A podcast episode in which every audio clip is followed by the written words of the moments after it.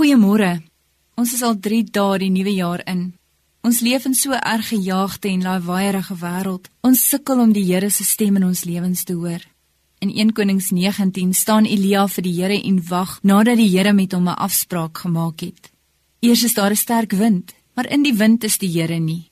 Toe volg 'n aardbewing, maar in die aardbewing is die Here ook nie. Na die aardbewing is daar 'n vuur, maar in die vuur is die Here ook nie. Skielik steek 'n sagte aandwindjie op en daar in die fluistering van 'n sagte windjie is die Here wel.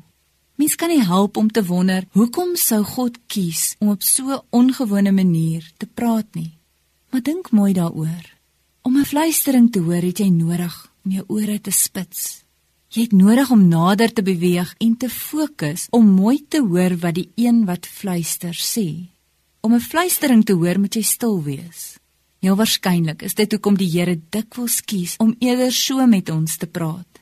Hy fluister want hy wil hê jy moet nader aan hom beweeg.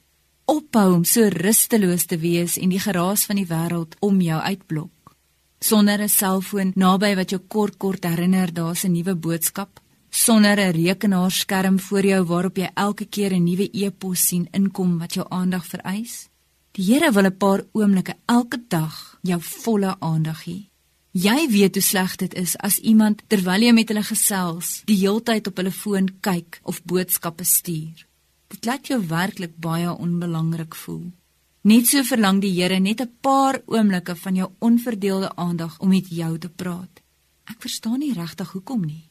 Hoekom sal die Skepper van die ganse heelal 'n behoefte hê om met my te wil praat? Om een of ander rede gee hy vir jou en my om. Om een of ander rede staan my en jou naam in die boek van die lewe geskryf. Om een of ander rede beloof hy dat hy ons nooit in die steek sal laat nie. Om een of ander rede het hy sy enigste seun gegee om vir my en jou te sterf. Ek weet nie van jou nie, maar die besef wil my laat nader beweeg aan hom.